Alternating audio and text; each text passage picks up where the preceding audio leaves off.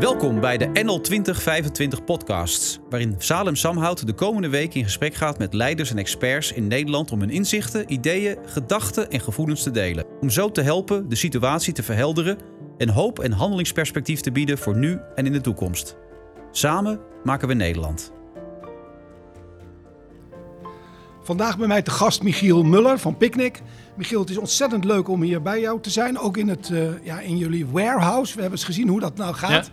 Hoe is het nu met jou zelf in deze woelige tijd? Ja, zeker woelige tijd. Tegelijkertijd hebben we natuurlijk wel uh, uh, nu een aantal weken gehad om een beetje aan te wennen. Dat betekent dat voor, voor iedereen die bij ons werkt, hè, zowel dus mensen die hier in het fulfillment center werken of de mensen die de boodschap aan huis brengen. En ook natuurlijk op kantoor. En iedereen heeft een beetje weer zijn route gevonden. En het mooie is dat wij wel als Picnic altijd gewend zijn geweest aan woelige tijden. Harde groei, veel vernieuwing. Dus dit, dit past ons wel eigenlijk in waar de uitdaging is. Ja, maar jullie hebben waarschijnlijk nu hypergroei eigenlijk. Ja, we hebben natuurlijk uh, heel veel groei of heel veel vraag. Ja. Daar waar onze, uh, onze collega's natuurlijk soms helemaal geen vraag meer hebben. Dat is natuurlijk wel een beetje een dubbel gevoel. Tegelijkertijd, er zijn heel veel mensen die op ons rekenen. Dat deden ze al voor coronatijd, gewoon voor hun boodschappen thuis te brengen. En je hebt natuurlijk nu een grotere groep mensen die ook zeggen: ja, ik kan de deur niet meer uit of ik wil de deur echt niet meer uit. Dus die rekenen gewoon op ons dat wij het voor elkaar krijgen en daar staan we voor. Hoe is dat uh, om hypergroei te managen? Kunnen ze een paar lessen te geven hoe je hypergroei managt? Nou, hypergroei managen is eigenlijk het uitgangspunt moet goed zijn. Hè. We hebben natuurlijk een, organisatie die jong is. Dat zijn jonge mensen die, uh, die niet alleen ambitie hebben, maar ook de flexibiliteit hebben om nieuwe situaties aan te kunnen. Maar hebben ook een geloof ik sterke teamgeest. Zijn dus gewend in teams te werken. Dus als er iets moet gebeuren, hè, we hebben een scenario team opgericht. Waar gaat het naartoe? Wat gaat er volgende week gebeuren? Enzovoorts. Ze zijn eraan gewend om heel open naar de omgeving te kijken. En die houding, dat helpt je natuurlijk enorm als er een beetje chaos is. Ja. Hoe manage je dat in kapitaal? Want volgens mij, jullie breiden maar uit en je breidt maar uit. Moet er weer een extra ronde van financing komen om die hypergroei te financieren? Hoe gaat dat eigenlijk? Nee, eigenlijk niet. We hebben vorig jaar september uh, hebben een grote derde ronde gedaan. En die gaf ons sowieso een paar jaar weer uh, ruimte vooruit. Nu hebben we natuurlijk te maken inderdaad dat de groei wederom voor de baat uitgaat. En misschien nog wat sterker dan voorheen. Maar ja, dat is natuurlijk wel een beetje wat bij ons model hoort. Er is enorm veel vraag naar uh, thuisbezorgen van boodschappen. Wij zijn daar een van de spelers in die daar iets levert wat mensen nog niet hadden. Ja, dus met de nieuwe uh, distributiecentrum dat we in Apeldoorn nu gaan openen. We gaan meer ochtendbezorgingen. We hebben 500 mensen in dienst genomen. Betekent dat je die groei aan kan. En dat je eigenlijk laat zien dat je echt een product hebt wat mensen graag willen hebben. Je maakt altijd groeicurves of uh, ja, prognoses, zeg maar. Daar denk ik dat jullie weer voorbij gaan, zeg maar eigenlijk. Dat ja. het nog positiever... En hoe ga je daar dan weer mee om? Heb je dan, we gaan nog harder groeien? Of heb je zeg maar een sustainable growth rate? Wat, hoe is dat bij jullie? Nou, er zijn twee elementen die zeg maar, bij de corona vooral in het begin natuurlijk speelden. Aan de ene kant heb je natuurlijk te maken met alle gezondheidsmaatregelen die je moet nemen. Hè, dus alle RIVM-maatregelen. En dan deden wij meestal nog een schepje bovenop. Dat gaat natuurlijk de eerste keer ten koste van je productiviteit. Hè? Want mensen moeten afstand houden, moeten leren hoe werkt dat nieuwe werken. Je moet misschien wat nieuwe software schrijven om het goed uh, aan de deur te brengen. Je hebt uh, contactloos bezorgen. Nou, zodra dus iedereen zich daar weer een beetje in gevonden heeft, gaan mensen ook weer zien: hé, hey, wacht eens even, maar dit geeft ook weer mogelijkheden. Misschien kunnen we het op die manier doen. Of misschien kunnen we met nieuwe steden openen ook weer die groei op andere plekken aan kunnen, zodat we weer een beetje verspreiden. Zo, dus eigenlijk is dat een manier om ermee om te gaan, is gewoon te zeggen: oké, we hebben een ondernemende geest. We zijn pioniers van huis uit. Dit is eigenlijk de beste tijd om te pionieren, want niemand weet waar het naartoe gaat. Uh, een van mijn mensen, Roger van Bokstel, die ik interviewde, die zei een kwadratisering van adrenaline. Dat was een prachtige uitspraak die ja. hij zei. Is dat bij jou ook het geval, dat je nog meer adrenaline door je lijf heen gaat? Zeker, en dat merk je ook bij de mensen die voor ons werken. We hebben natuurlijk een hele jonge uh, gemeenschap, hè, 27 jaar gemiddeld. Dus dat zijn mensen die natuurlijk van oudsher uh, heel weinig geconditioneerd zijn. Hè, die, die, die zien eigenlijk vernieuwing als iets heel logisch, want ze zijn eigenlijk niet niet anders gewend. En ik denk ook, maar dat is even een beetje uh, post-corona denken van jonge mensen in het algemeen, dat we ontzettend blij moeten zijn dat we die hebben in de maatschappij. Want die gaan straks weer normaal doen. Ja. Hè? wij zitten natuurlijk nu, iedereen heeft natuurlijk iets in zijn hoofd van, hey, dit is toch wel, heel veel onzekerheid heeft dit gebracht. Waar gaat het naartoe? Blijkbaar kan het ook maar zomaar de verkeerde kant op gaan in zo'n uh, situatie. Maar jonge mensen die stappen daar toch makkelijker overheen. Gaan op een gegeven moment weer normaal doen. Of in ieder geval zien weer de nieuwe situatie als een nieuwe stepping stone naar de toekomst. En dat is iets wat we heel hard nodig hebben bij ons bedrijf. Maar ik denk ik ook als samenleving voor, voor straks. Want uh, daar even naar die samenleving. Die wordt nu geconfronteerd met economische krimp, zeg maar. Ja. En uiteindelijk, als je krimp hebt, moet je weer gaan groeien, zeg maar. Hoe kom je, of welke adviezen geef je aan die mensen die nu in een krimpmode zitten? Dat je zegt, je moet toch weer naar de groei. Welke adviezen zou je aan hen geven? Nou, ik denk dat heel belangrijk is, is probeer het niet tegen te houden. Dit is natuurlijk een ellendige situatie die op ons afkomt.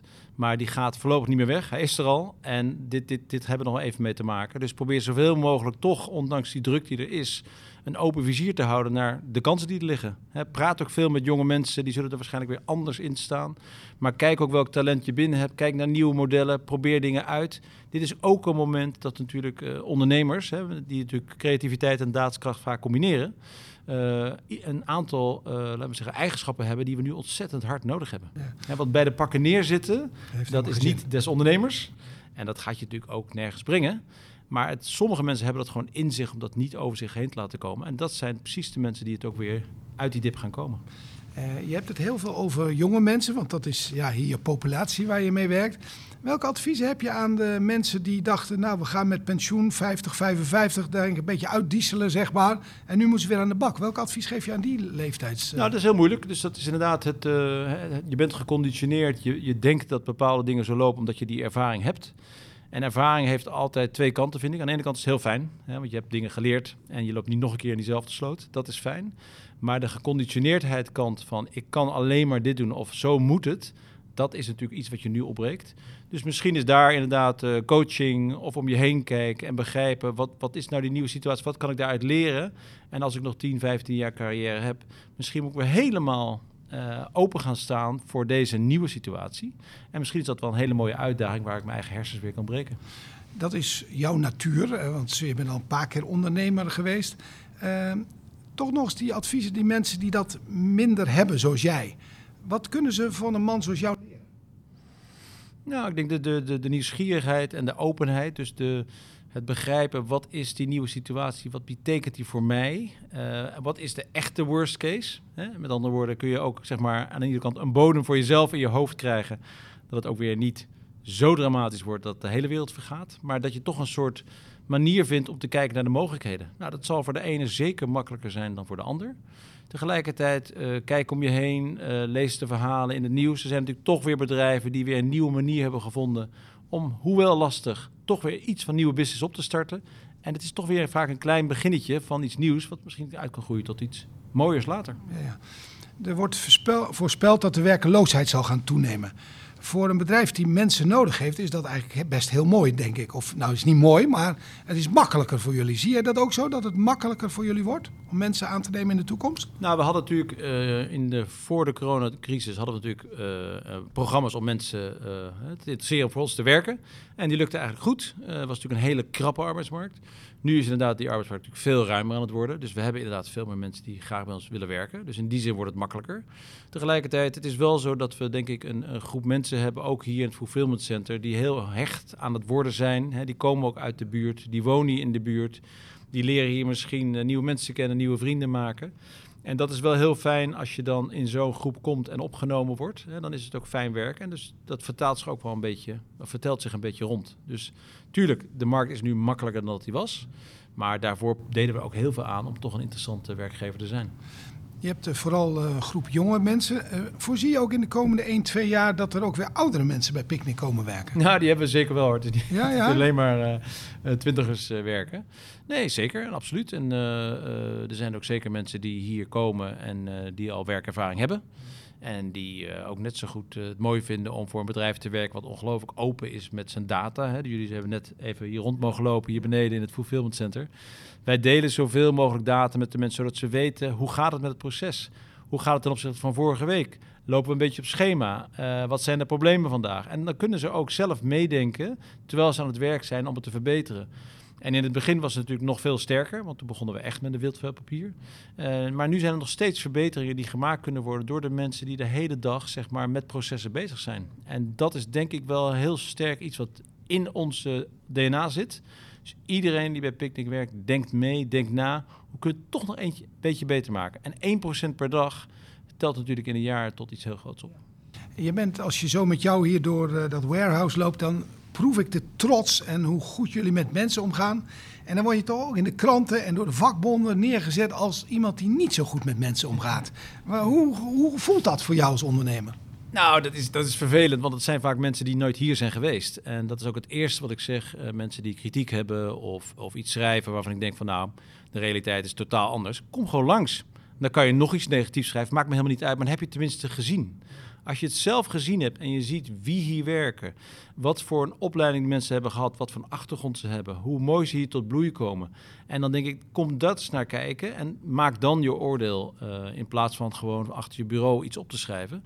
En ik denk dat het ook ongelooflijk uh, jammer is, en dat is misschien een beetje een persoonlijke frustratie, ja. dat uh, zoals we hier zijn in dit Fulfillment Center, wordt dan vaak gesproken over dozen langs de snelweg. En er wordt een soort heel negatief iets omheen gebouwd van mensen gaan er naar binnen. En, dan... en dat is gewoon zonde, want je kunt hier een fantastische baan hebben. Je kunt hier groeien, je kunt hier leidinggevende worden. Je kunt een vast contract krijgen. Er zijn ongelooflijk veel dingen te halen. En mensen bereiken dat ook. Heus niet allemaal, maar een hele grote groep wel. En dus het feit dat je hier toch heel veel kunt leren en het begin kunt maken van je carrière, vind ik super positief. En vind ik het jammer dat mensen die inderdaad nooit hier zijn geweest, of bij een ander bedrijf, ja, ja. Uh, dat eigenlijk niet zien. Welke droom heb je nog voor je, voor je medewerkers voor de komende twee jaar? Waar wil je je nog verder op inrichten om nog beter te worden voor je mensen? Nou, ik denk een heel belangrijk element is inderdaad die, uh, uh, zeg maar die groei van die medewerkers zelf stimuleren. we hebben net een, een e-commerce CEO afgesloten in een, in een bedrijfstak, de e-commerce, waar geen CEO is. We zijn een ontzettend jong bedrijf, dus het feit dat we daar al als eerste een sociale akkoord in deze sector hebben bereikt, vinden wij mooi. Maar dat vinden we ook belangrijk. Dus ook die elementen in die CO gaan over persoonlijke ontwikkeling en een eigen budget om zelf te besteden. Hoe kun je nou zorgen dat je toch flexibiliteit krijgt, maar ook een vast contract? Nou, al dat soort dingen die jonge mensen nu belangrijk vinden, denk ook waar de Nederlandse economie op termijn ook uh, behoefte aan heeft. Dus we hebben het niet over ZZP'ers, daar werken we niet mee. We hebben het niet over grote groepen arbeidsmigranten die in zomerhuisjes wonen, doen we ook niet. Nee, mensen die hier in de buurt wonen, die een begin willen maken met een werkzame leven. Misschien hier doorgroeien naar een mooie positie. Misschien hier uh, blijven in de functie waar ze nu zitten. Misschien elders gaan. Maar het feit dat je kunt werken aan, aan de ontwikkeling van mensen is natuurlijk iets schitterends. En ben je, ga je dan ook net zoals klassieke bedrijven doen dat je per persoon een ontwikkelbudget hebt? Of hoe werkt dat dan op je? Ja, nu hebben we in onze, in onze CEO hebben we dat een ontwikkelbudget per jaar dat je kunt besteden. Ja. En dat kun je ook opsparen als je bijvoorbeeld. En hoeveel jaar, is dat? Dat is nu uh, 200 euro per jaar en ja. het eerste jaar 300 euro. En dat wordt dus uh, besteed aan een grote lijst van trainingen. Die zijn we nu aan het maken. Die moeten 1 januari komend jaar staan. Maar dat betekent eigenlijk dat je dus als, uh, als werknemer jezelf toch een aantal dingen kunt gaan aanleren. En dat proberen we een heel breed pakket te maken van trainingen en cursussen. Uh, die enerzijds gericht zijn op wat je hier doet. Hè, dus misschien iets met, uh, met leer programmeren of leer data begrijpen enzovoorts. Maar ook gewoon algemene dingen waar mensen misschien in een algemene ontwikkeling iets aan hebben. Ah, mooi om te doen, uh, lijkt me. Ja. Uh, ik wil toch eens even horen, wat gebeurt er nu met de Nederlander? Wat bestelt hij nou meer en minder? nou, de Nederlander heeft uh, in het begin van de coronatijden een beetje rare dingen gedaan. Ja? Die ging heel veel wc-papier Hoe ging bestellen. dat? Vertel eens even over dat wc-papier. Hoe is nou, dat, dat, nou ging, echt dat gegaan? gaat echt uh, van, uh, vanaf dag 1 op dag 2. Dus als ik het een beetje terugkijk, nou, we hadden natuurlijk op een gegeven moment de eerste paar coronagevallen in Nederland. En toen uh, toch een beetje lichte paniek dat het allemaal fout kon gaan. En met het uh, carnaval in Brabant, op een gegeven moment kwam die hype. En in binnen 1, 2 dagen gingen mensen gewoon massaal wc-papier inslaan. Nou, dat is op zich uh, raar. En, en voor onze business ook best vervelend. Voor de, voor de e-commerce business. Want er zijn twee dingen vervelend aan wc-papier. En het neemt heel veel ruimte in. Zowel in de vrachtwagen als in ons autootje. Dus je, je autootje zijn heel snel vol. En die vrachtwagen die rijdt de hele dag rond met wc-papier. Terwijl die natuurlijk ook allerlei andere spullen moet rondbrengen. Dus dan krijg je een soort schok in die supply chain. Dan zien de mensen in de supermarkt of bij ons uh, out of order leeg schap. Dus wat gaan ze dan volgende al doen? Gaan ze nog meer kopen? Nou, dat is eigenlijk maar een paar dagen geweest. En daarna heb je een soort na-eilend effect dat die, die supply chain moet weer in een weekje moet die weer normaal worden. Hè, dat die vrachtwagens weer met spullen rondgereden die mensen echt nodig hebben. En dan krijg je natuurlijk het effect dat uh, uh, heel veel mensen thuis ook meer consumeren. Hè, dus, dus pa en ma gaan niet meer naar kantoor of eten niet meer op hun werk. Uh, de kinderen eten niet meer op school of onderweg. Hoeveel procent kochten Nederlanders meer aan uh, gewoon thuis dan? Nou, dit is zomaar 20, 30 procent. Hè. Dat gaat best hard. Als je natuurlijk nooit meer ergens iets eet buiten de deur, op het treinstation of waar dan ook. Als je ook nooit meer een satéetje gaat halen in het café. Ja, dat lijkt weinig. Ja. En je gaat nooit meer bij vrienden eten of bij je ouders. Ja. Ja, dat moet dus allemaal door het huishouden worden ingekocht. Ja, dat is immens. En welke andere producten kochten ze, kopen ze nu? Nu eh, eigenlijk, eh, niet, niet, eh, eigenlijk vrij normaal weer. Gewoon iets meer dan wat ze normaal deden. We hebben het geluk dat we eigenlijk altijd bij ons eh, meer dan 50% van het mandje is vers. Hè? Dus gewoon eh aardappelen, groente, fruit en dat soort dingen. Ehm, dus dat is eigenlijk gewoon weer terug naar eh, wat het was qua assortiment wat ze kiezen. Alleen het is gewoon wat meer. Hè? Het is wat meer brood en het is wat meer aardappels. En, omdat ze gewoon vaker thuis eh, consumeren. Ja. Wat is jouw voorspelling over online eh, boodschappen doen? Wordt dat, dat marktaandeel van online, wordt dat nou veel groter? Of is dat al veel groter geworden? En waar gaat het zich naartoe bewegen? Nou, toen wij begonnen was zeg maar de online boodschap was in Nederland ongeveer 1%. Nu is het zeg maar 3, 4 procent. Dus dat is natuurlijk voor een belangrijk deel eh, door onze toetraining, eh, aan onze toetraining te danken. En dat het belangrijkste element daarvan is, is dat wij iets hebben gemaakt dat ook de politieagent en de verpleegster en, eh, en de groenteboer zelf kan betalen. Omdat het dus eigenlijk dezelfde prijs als naar de winkel gaan. Nou, die groei zal zich sterker doorzetten. Je hebt natuurlijk nu veel mensen, en niet alleen voor boodschappen, maar allerlei andere online diensten ook zijn gaan gebruiken. Misschien voor het eerst. Ja, die gaan toch denken, hé, hey, dat is eigenlijk best wel handig. Of, hé, hey, het bespaart me heel veel tijd. Of, eh, ja, weet je, ik heb nu een alternatief als het weer erger wordt. Nou, dus mensen gaan daar toch zich anders op inrichten. En als het, eh, als het zo lang duurt zoals het nu al duurt, maanden, dan gaat het ook echt wel tussen je oren zitten. En wordt het ook een deel van je, van je gedachtenpatroon. Dus op een gegeven moment komt online boodschappen doen of andere spullen online kopen. Wordt gewoon een deel van je set van keuzes. Ja. En meer dan voorheen. En ik denk niet dat dat zomaar weggaat. En als dat, nu is het 3, 4 procent. eh, voorspel je dat dat binnen 1, 2 jaar zo op 10, 15 procent eh, kan komen? Is. Nou, 1, 2 jaar zal iets te, iets te snel zijn, maar binnen een paar jaar zeker. En er is geen enkele reden om aan te nemen waarom online boodschappen niet naar 30% zou kunnen gaan. Ik bedoel, mode en elektronica en, en travel en dat soort business is al lang 30%. Ja, en naar de stad gaan en iets in een modewinkel kopen is eigenlijk nog wel leuk om te doen. Maar doen wel heel veel online. Boodschappen, ja, een beetje sjouwen met cola en melk en, eh, en luiers en wc-papier is eigenlijk wat minder interessant. En dat doen we nog maar heel weinig. En dat komt eigenlijk omdat er voorheen, voordat wij kwamen, was er vooral een premium aanbod. Hè, dus natuurlijk ietsje duurder en met, met bezorgkosten. En wij hebben het eigenlijk voor iedereen mogelijk gemaakt. En dat betekent dat je dus gewoon veel meer vraag krijgt. Maar als, die, als dat marktaandeel 10, 15 procent eh, gaat worden, dan heeft dat in, onmiddellijk effect op de gewone bestaande supermarkt. Want dan gaat hun businessmodel waarschijnlijk onderuit. Als dat zoveel bij jullie naartoe gaat. Wat voorspel je daarover? Nou, kijk, supermarkten zullen natuurlijk altijd blijven bestaan. Net zoals de groenteboer en de bakker en de modewinkels Maar minder blijven was bestaan. het. Maar minder, was het. Minder. En dat betekent dus inderdaad dat je gaat kijken naar eh, op welke plekken is dat nou, komt dat heel goed uit? Of welke winkels onderscheiden zich? Of welke winkels zijn ongelooflijk aardig tegen hun klanten? Ik heb altijd gezegd van het internet, de, eh, de local hero overleeft altijd. Dat fietsenboertje bij je in de buurt, waar je altijd aan kan bellen, om die plakt even je, je band nog even voor je zoontje, die blijft altijd bestaan. Als jij dat 20 jaar niet hebt gedaan, dan ga je dat gewoon niet redden. Je moet natuurlijk ook in de normale wereld, moet je natuurlijk ongelooflijk aardig zijn tegen je klanten om ze te behouden. Dus er is altijd plaats voor hele goede ondernemers. En die zullen ook altijd blijven bestaan. Zowel online als in de winkelstraat. Zie je ook eh, grote ketens van supermarkten eh, onderuit gaan op een gegeven ogenblik? Nou, dat lijkt me niet. Want kijk, het is wel zo natuurlijk dat een, een supermarkt heeft natuurlijk een, uh, een hele grote business met heel veel uh, investeringen die gedaan zijn. Hè, winkels, winkelinrichting, uh, huren enzovoorts. Dus die hebben natuurlijk wel te maken met, met de hoeveelheid vaste kosten die natuurlijk lastig te managen is als de markt snel verandert. Maar het gaat natuurlijk niet van 5 naar 10 naar 20 procent in drie jaar tijd. Dus je hebt voldoende tijd om te reageren. Maar je ziet ook natuurlijk heel veel formules zijn bezig met na te denken, hoe ziet mijn winkel er over tien jaar uit? Nou, en als je daar tijdig mee begint, lijkt mij dat uh, geen enkel probleem. Ja. Kun je nog eens een uh, mooi verhaal hebben waar jij kippenvel van hebt gekregen van jullie mensen die langs de deuren gaan, omdat allemaal het, het, sociale contact zeg maar, tussen jullie mensen en de mensen die de boodschappen bestelden. Kun je daar eens wat mooi verhaal Ja, dat vertellen? is heel sterk, omdat wij natuurlijk onze runners, hè, onze bezorgers, zijn natuurlijk uh, jongens en meisjes, zijn over het algemeen bijbanen. Dus er zijn nog vaak studenten die dan dat een paar keer per week doen. En het voordeel van studenten is dat ze natuurlijk altijd gewoon goede zin erin hebben. En die zien eigenlijk nooit het probleem. En nou, er zijn schitterende verhalen van inderdaad uh, uh, onze runners die dan zien dat, uh, dat de moeder van het huishouden zwanger is. En dan twee weken later zien dat ze niet meer zwanger is. En die doen dan zelf een briefje in de bus gefeliciteerd met de geboorte. We hadden een, iemand die, die reed met zijn autootje, met ons karretje ergens door een wijk. En die zag daar een mevrouw staan, een wat oudere mevrouw, op eigenlijk een beetje een onmogelijke plek beetje zo'n, wat doet, wat doet u hier? En die, die stopte dus inderdaad. Die zei, mevrouw, wat doet u hier? Ja, ik sta hier te wachten op de ziekenauto om mij naar X, Y, Z te brengen.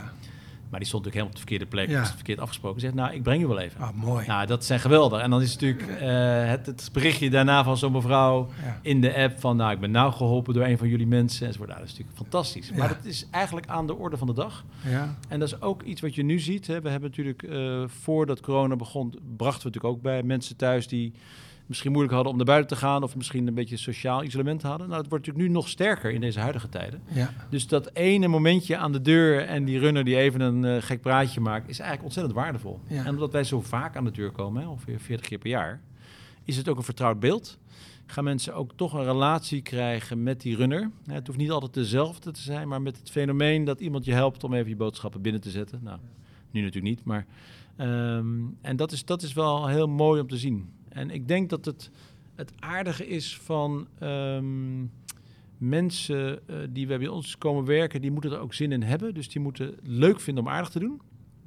En die moeten een zelfoplossend vermogen hebben. Die twee dingen zijn eigenlijk de enige elementen die wij belangrijk vinden. En dus als er bijvoorbeeld iets gebeurt onderweg of er doet zich een probleem voor, los het gewoon zelf meteen op. Denk zelf na.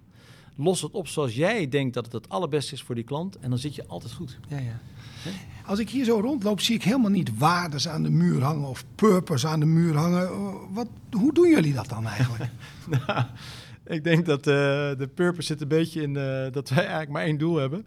Is dat we gewoon er een uh, echt een soort super product van maken waar mensen ontzettend blij mee zijn. En dat is zo makkelijk om aardig te doen. Het is zoveel moeilijker om vervelend te doen. bijvoorbeeld iemand bij ons in de app zegt van... nou, ik vond mijn appel te groen, te bruin of te geel. Dan zeg je, joh, je krijgt je geld terug. En we doen in uw volgende mandje gratis appels. Want we willen wel laten zien dat we het goed kunnen. En dan zeggen mensen vaak van, nou, nou zo, zo groen was hij nou ook weer niet, of zo bruin was hij. En dat geeft dus aan dat je, uh, kijk, um, andere dingen die we net hebben geïntroduceerd, is dat je als jij beleeft. Maar even nog die values, hoe krijg je ja. dat in die, in die hoofden en de harten van de mensen die hier werken? Ik zie, ja, ik, ja, dat je voelt het als je hier rondloopt, dat voel je, maar er zijn niet mission statements, value statements. Zijn die er of uh, heb ik die net niet goed gezien? Ik denk dat heel belangrijk is wat daar speelt, is dat je uh, het begin zeg maar, van elke locatie, dat je als je daar een goed beginnetje maakt, dat het zichzelf vanzelf gaat vermenigvuldigen. Toen we onze eerste hub openen, de City Hub, waar die elektrische auto's vandaan rijden, hebben daar zelf heel veel gezeten, uh, meegedacht, hoe gaan we dat doen. Er was een ontzettend ondernemende sfeer tussen die eerste runners. Die zeiden, ja, moeten we zus doen, dan moet die software een beetje aanpassen. Waarom rijden we niet zo? Of als er toch een kind, uh, een klein kind daar thuis is, dan moeten we niet aanbellen, maar moeten we op het raam kloppen. Kunnen we daar niet een stickertje voor maken? Nou, dat soort dingen. Als je dat eenmaal in zo'n locatie hebt en de mensen die daar zitten selecteren zelf de nieuwe mensen die erbij komen, raak je dat nooit meer kwijt. Dat betekent niet dat je allemaal klonen moet hebben, maar die sfeer en jongens, we gaan er wel voor, voor elkaar te krijgen. Hè? Dus vanavond om half elf sluiten we hier de tent, de hub. Maar dan zorgen we wel dat iedereen van al onze klanten super blij zijn. En als er iets aan de hand was, hebben het al opgelost. Nou, als je dat eenmaal erin hebt zitten, dan gaat iedereen dat natuurlijk ook doen. Ja, ja. Dus dat, uh, dat zit er nu nog gewoon in. De founders mentality zit er nog in. Vind ik wel, zo, ja. ja. Ook omdat je natuurlijk ziet dat, uh, en dat is natuurlijk als voordeel, en dat maakt het misschien het leven wel iets makkelijker, dat we natuurlijk nog steeds groeien. Dus elke keer ook hier weer, is er elke week weer iets te vieren, zeg maar in het klein. We hebben wel met z'n allen ervoor gezorgd dat we nog meer op tijd reden, of nog meer compleetheid hadden, of nog meer boodschappen aan de deur hebben kunnen brengen. En dat is natuurlijk super leuk om onderdeel te zijn van een groeiend geheel. Uh, en als dan de sfeer goed is en iedereen heeft er een beetje zin in, dan, dan heb je eigenlijk een leuke Gaat echt vanzelf. Jij bent natuurlijk ook een, een enorme marketingman, want het is natuurlijk allemaal commercieel of marketing goed uitgedacht. Welke tips heb jij in deze tijd voor corona aan on, corona-ondernemers? De marketingtips, zeg maar. Marketingtips in coronatijd. Ja, ja marketingtips in corona. Wat moet je doen om je producten uh, en Nou, ik denk dat je, dat je heel goed, en dat, dat zie je ook veel gebeuren, dat je goed aan je mensen die normaal jouw klant waren, die misschien nu niet meer kunnen komen, uh, dat je vraagt, joh, wat zou je wel willen? En misschien zeggen ze hele gekke dingen. Nou, misschien moet je het gewoon gaan doen. Hè, er zijn natuurlijk heel veel restaurants die er nu aan huis bezorgen, die dat nog nooit hebben gedaan. Nou, die maken natuurlijk eigenlijk een fantastisch pad mee. Natuurlijk ellendige tijden. Ze gaan er waarschijnlijk ook helemaal geen uh, goede omzet mee draaien nu. Maar het feit dat ze dit gaan doen, ze gaan zeker weer op een nieuw iets uitkomen. Dat ze denken, hé, hey, wacht eens even. Als het straks weer normaal wordt, dan ga ik toch een paar elementen die ik daarvan zag, ga ik toch weer doen. Dus ik weet nu eigenlijk pas wie in mijn restaurant komen. Ik ken ze nu. Ik ken ze bij de voornaam. Nou, dan kan ik ze ook makkelijker benaderen straks om weer eens bij mij te komen eten. Misschien moet ik wel doorgaan. Nou, in ieder geval, hè, er zijn natuurlijk best wel veel mogelijkheden die je nu kan ontdekken. En natuurlijk, je weet niet wat het beste gaat zijn, maar altijd hetzelfde doen wat je deed, dat is inderdaad natuurlijk voor veel branches nu niet mogelijk. Dus je moet creatief zijn. Je moet weer gaan ondernemen. En nou, hopelijk komen daar ook weer mooie nieuwe ideeën uit. En dat is dus eigenlijk goed kijken en luisteren wat de klant van je wil hebben. En, en hoe moet je dat naar zulke klanten communiceren? Hoe doen jullie dat eigenlijk? Of welke tips heb je daarvoor? Hoe communiceer je nu naar je klanten? Nou, wij, wat wij wel doen is uh, uh, proberen klanten zoveel mogelijk erbij betrekken. Dus enerzijds natuurlijk precies vertellen wat we doen en een beetje op een aardige, uh, logische manier. En de andere kant is dat alles wat een klant tegen ons zegt, of dat nou via de app is, wat het meest is, mailtjes en bellen gebeurt eigenlijk nauwelijks meer. Dat verzamelen we allemaal. Dus wij weten precies wat mensen hebben gezegd. Wat, bijvoorbeeld welke producten ze hebben aangevraagd. Of waar ze blij over zijn. Of waar ze moeite mee hebben. Of welke wensen ze nog hebben. Nou, het feit dat je dat hebt bijhoudt, begrijpt wat is dus de belangrijkste wens, dan kun je die wens vervullen. En je ziet meteen terug, hé, hey, dat is een geweldige nieuwe feature die je daar hebben gemaakt. Nou, en dat is natuurlijk wel, als je maar blijft ontwikkelen en blijft luisteren naar die klanten, dan heb je natuurlijk in alle tijden wat te doen. Hè? En het is toch voor geen enkele ondernemer zo dat je iets hebt verzonnen uh, op dag 1 en dat het op dag 1000 nog steeds precies hetzelfde nee, moet zijn. Dus dat verandert permanent eigenlijk. Dat, dat moet permanent ja, veranderen. Ja. Dus die nieuwsgierigheid en het blijven ontwikkelen, het blijven ondernemen, is denk ik altijd belangrijk, was altijd belangrijk en in deze huidige tijd nog meer. En dat eigenlijk was dat al voor coronatijd ook al zo. Hè. We hebben natuurlijk te maken met heel veel nieuwe technologie.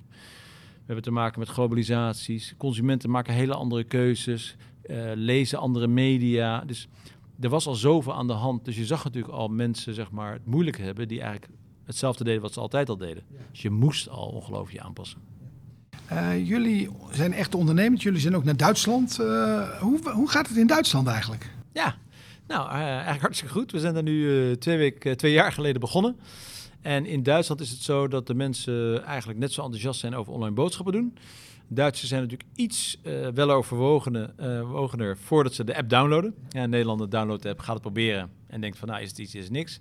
Een Duitser gaat eerst over nadenken en download dan de app. En als je dan doet wat je zei dat je zou gaan doen, dan is hij dus blij, want hij heeft het niet voor niks gekozen. Dus de, de weg naartoe is misschien iets anders, maar je komt op hetzelfde punt uit. Uh, Duitse consumenten zijn ook iets meer gericht op duurzaamheid dan Nederlandse nog. Dus het, het, feit dat we elektrisch rijden, het feit dat we geen uh, voedselverspilling hebben, vinden ze allemaal uh, belangrijk en baseren daarvoor belangrijk ook een keuze op. En iets anders is, is dat in Duitsland zeg maar online nog meer in de kinderschoenen stond dan in Nederland. Dus je springt daar nog meer uit.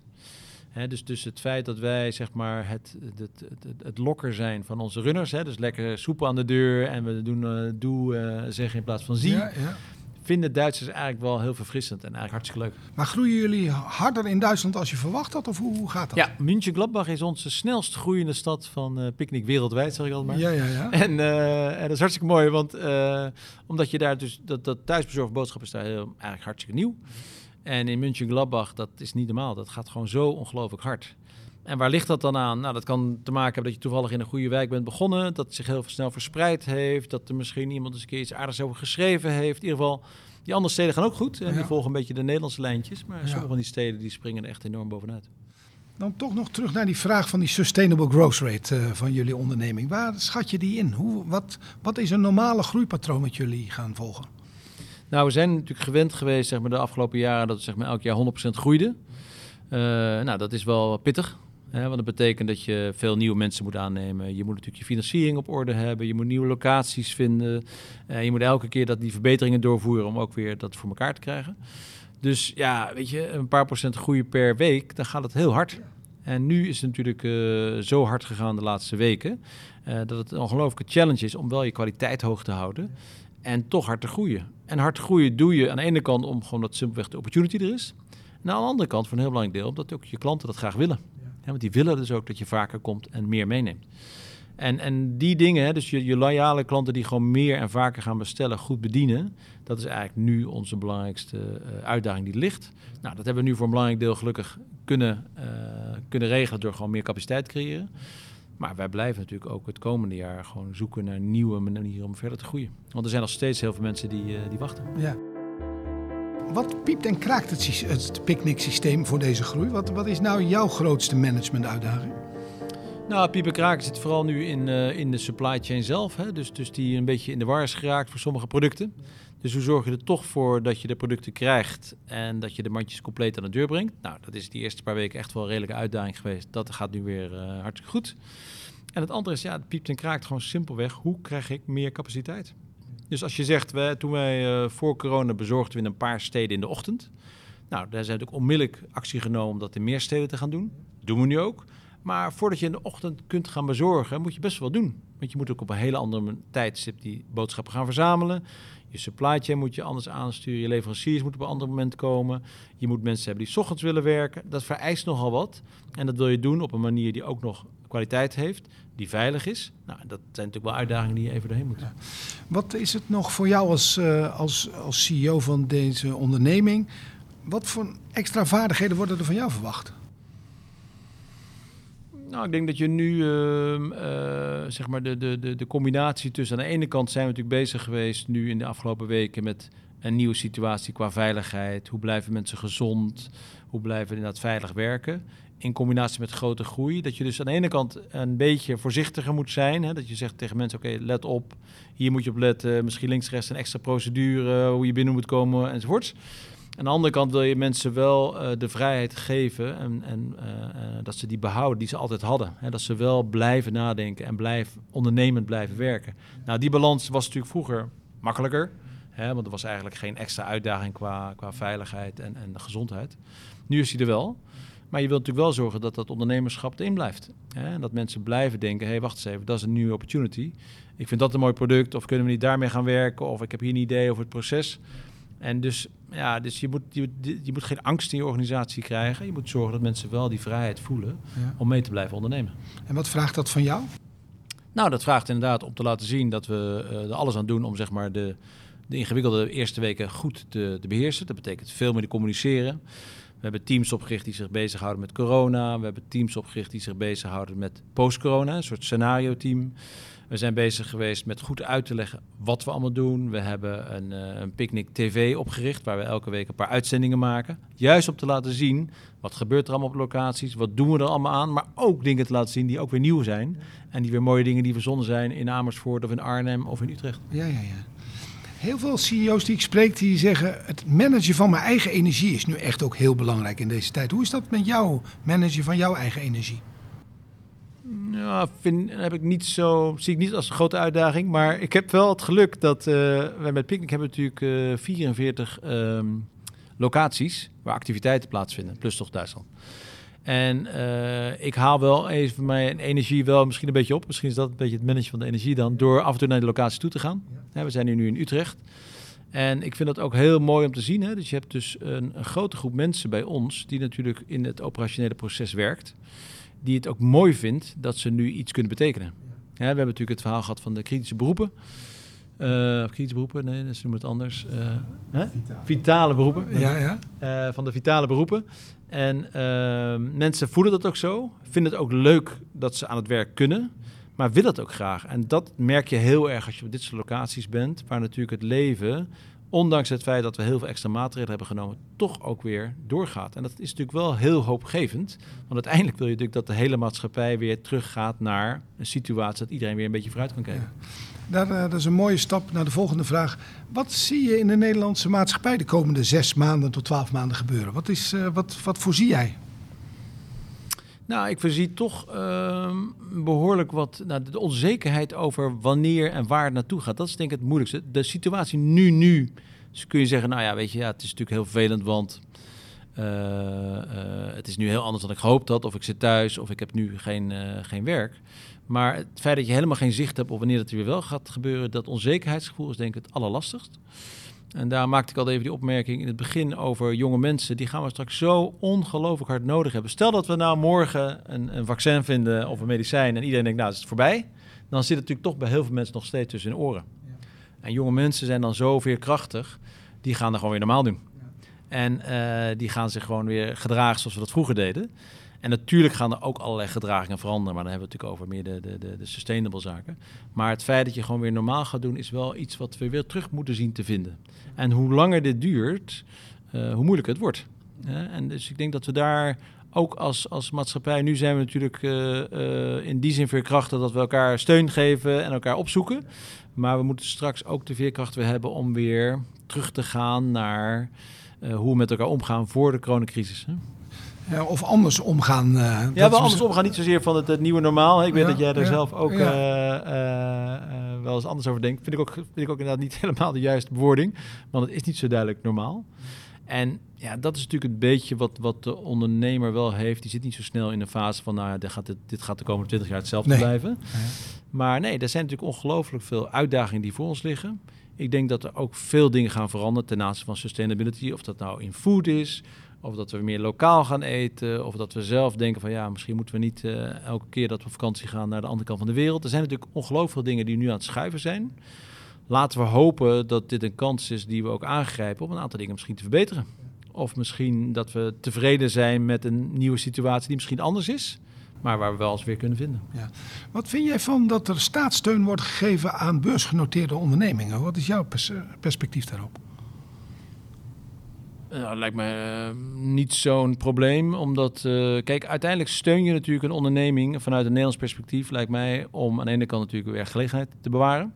Maar uh, je probeert natuurlijk ook grote ondernemingen, als ze een beetje innovatief zijn, ook binnen die landsgrenzen te houden. En want als het nu, ja, ik ken natuurlijk de discussie die nu geweest is van, ja, wacht eens even, er is, er geld uitgekeerd aan de aandeelhouders, hadden ze dat niet kunnen besteden aan deze crisis. Ja, als je alles vooruit deed, had je dat misschien ook gedaan. Tegelijkertijd, je moet iets verder kijken dan nu twee, drie maanden. Je moet natuurlijk kijken naar, wil jij grote ondernemingen, Nederlandse ondernemingen bewaren die hier zijn, die werkgelegenheid verschaffen, maar die ook zorgen voor innovatie, dat je ook voor de komende 20, 30 jaar weer verder kan. Dus het steun geven aan, aan multinationals of andere bedrijven uh, is zeg maar de, in de eerste stap gewoon geweest, laten we het gewoon doen. Moet snel zijn, voor iedereen. Uh, en ik denk dat je best wel, als je nu verder gaat en verder gaat kijken, dat je misschien links-rechts wel uh, voorwaarden aan kunt stellen. Tuurlijk. Ja. Hè, je, je, kunt er een lening van maken. Of je er zijn allerlei manieren natuurlijk om. Maar ik vind het feit dat de Nederlandse overheid ongelooflijk snel is geweest. En alle andere, voor mij, Europese landen voorbij is gegaan. Niet alleen in de beslissing, maar vooral dat het geld op de rekening stond. Is natuurlijk wel bewonderenswaardig. Ja, laten we hopen dat dat ook zijn effect heeft op de langere termijn. Zeker. Dat, Zeker. Nou, het is in ieder geval zo dat denk ik de, de bedrijven die ermee te maken hebben gehad. En vooral de werknemers die dan in ieder geval even een paar maanden zekerheid hadden. Dat die in ieder geval een beetje de tijd hebben gekregen van jongens, wat betekent dit allemaal voor mij? En wat, wat, wat, wat gaat er allemaal op ons afkomen? En dat, dat is natuurlijk toch wel fijn uh, als je dat vergelijkt met misschien uh, andere landen waar dat niet zo snel geregeld is. Ja. Hey Michiel, wat ga je de komende twee weken doen? We zijn bijna aan het einde van het interview. Wat, ga je, wat staat op jouw agenda de komende twee weken? komende twee weken. Uh, ja, we zijn met, met veel dingen bezig. We, zijn, uh, we hebben natuurlijk onze, onze e-commerce CEO gelanceerd. En uh, we hebben eigenlijk al bij de start gezegd, we zouden heel graag daar een, een bedrijfstak CEO van maken. Dus ik heb heel veel gesprekken gevoerd de afgelopen weken en de komende weken met e-commerce collega's. Dat betekent eigenlijk dat we willen kijken, jongens, dit is een hele nieuwe industrie die nu ongeveer 25 miljard is. en die 20, 30 procent per jaar groeit. Dus over een paar jaar is dit de grootste industrie van Nederland. Daar is nu niets voor geregeld. Wij hebben nu een beginnetje gemaakt, dus dat is interessant zijn. Ook interessant trouwens om partijen als, als de Amazons en de Alibaba's die ook naar Nederland komen, misschien een beetje een soort Nederlandse arbeidsvoorwaarden, fatsoenlijkheid te dwingen. Dus daar zal ik uh, de komende week zeker veel tijd aan besteden. We zijn inderdaad bezig met die, het uitbreiden van die capaciteit waar ik het over gehad heb. Uh, we zijn ook zeker bezig om te kijken hoe we uh, zeg maar alles wat we afgesproken hebben in die CO, hoe we dat nu ook gaan doen. Hè. Bijvoorbeeld die, die opleidingsbudgetten en de trainingen verzorgen. Dat zijn we nu allemaal volop mee bezig. En voor belangrijk deel is het ook weer toch kijken naar de nieuwe uitdagingen die er zijn op het gebied van nieuwe situaties zijn. In Duitsland zijn we nu op, op zondagen geopend voor, voor medici en uh, verpleegkundigen. Nou, dat is in, in de Duitse situatie uniek, omdat in Duitsland zijn alle winkels op zondag dicht. Uh, we gaan er nu een derde fulfillment center open. Dus er zijn eigenlijk, het is een mix tussen aan de ene kant wat verdere dingen strategischer. Proberen te kijken of we collega's kunnen vinden die ons sociaal kort steunen. Aan de andere kant ook day-to-day -day gewoon omgaan met de drukte. Ja. Heb jij het gevoel dat je in uh, coronatijd een ander gedrag nog hebt geleerd en dat je gaat meenemen naar, naar de nieuwe tijd? Nou, wat ik wel mis uh, uh, is inderdaad toch het persoonlijk contact. Hè? Dus dat, dat hele dag zoomen en teams, ja, daar word je op een gegeven moment wel een beetje, een beetje flauw van.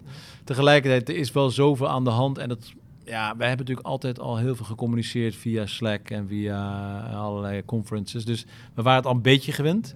Maar ik moet zeggen, als je nu op kantoor komt bij ons of als je op locaties komt waar het rustiger is, dan mis ik dat wel een beetje. En ik denk waar het een heel belangrijk element is, we hebben bijvoorbeeld ons customer success team, hè, dus die zeg maar alle vragen van klanten beantwoorden. Daar zitten natuurlijk ook veel nieuwe mensen bij, ook vanwege de groei, ook in Duitsland. En mensen die daar een paar weken werken in zo'n team, ja, die krijgen natuurlijk heel veel mee van hun collega's. En als je natuurlijk twee vrijdagmiddagen bent geweest waar iedereen bij elkaar komt en uh, mooi uit het slot van de week doet, dan krijg je heel veel van dat DNA mee. Nou, nu zitten ze natuurlijk voor een belangrijk deel thuis. Dus hoe krijg je dat DNA, wat zo ongelooflijk belangrijk is, dat je echt tot in het diepste van je vezels weet, ik ga maar één ding doen en dat zorgt dat die klant super blij is. Ja. Nou, hoe krijg je dat zeg maar op afstand erin? Ja. Natuurlijk, die mensen worden aangenomen omdat ze dat leuk vinden en dat ze zo in elkaar zitten.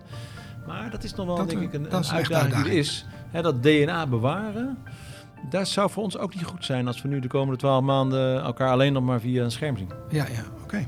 Ja. hey Michiel, dankjewel. Het was een leuk gesprek. Nou, graag gedaan. Leuk dat jullie uh, langs zijn gekomen. Ja, het was ook leuk om te zijn hier. Ja. NL 2025 is een diverse beweging waar honderden aanjagers vanuit onder andere het bedrijfsleven, kunst en cultuur, media, sport, onderwijs en wetenschap zich op persoonlijke titel inzetten voor een mooiere toekomst voor Nederland, voor de huidige en toekomstige generaties. En dat doen we vanuit het pay it forward principe. Ik doe iets voor jou en dan geef jij het weer door aan iemand anders.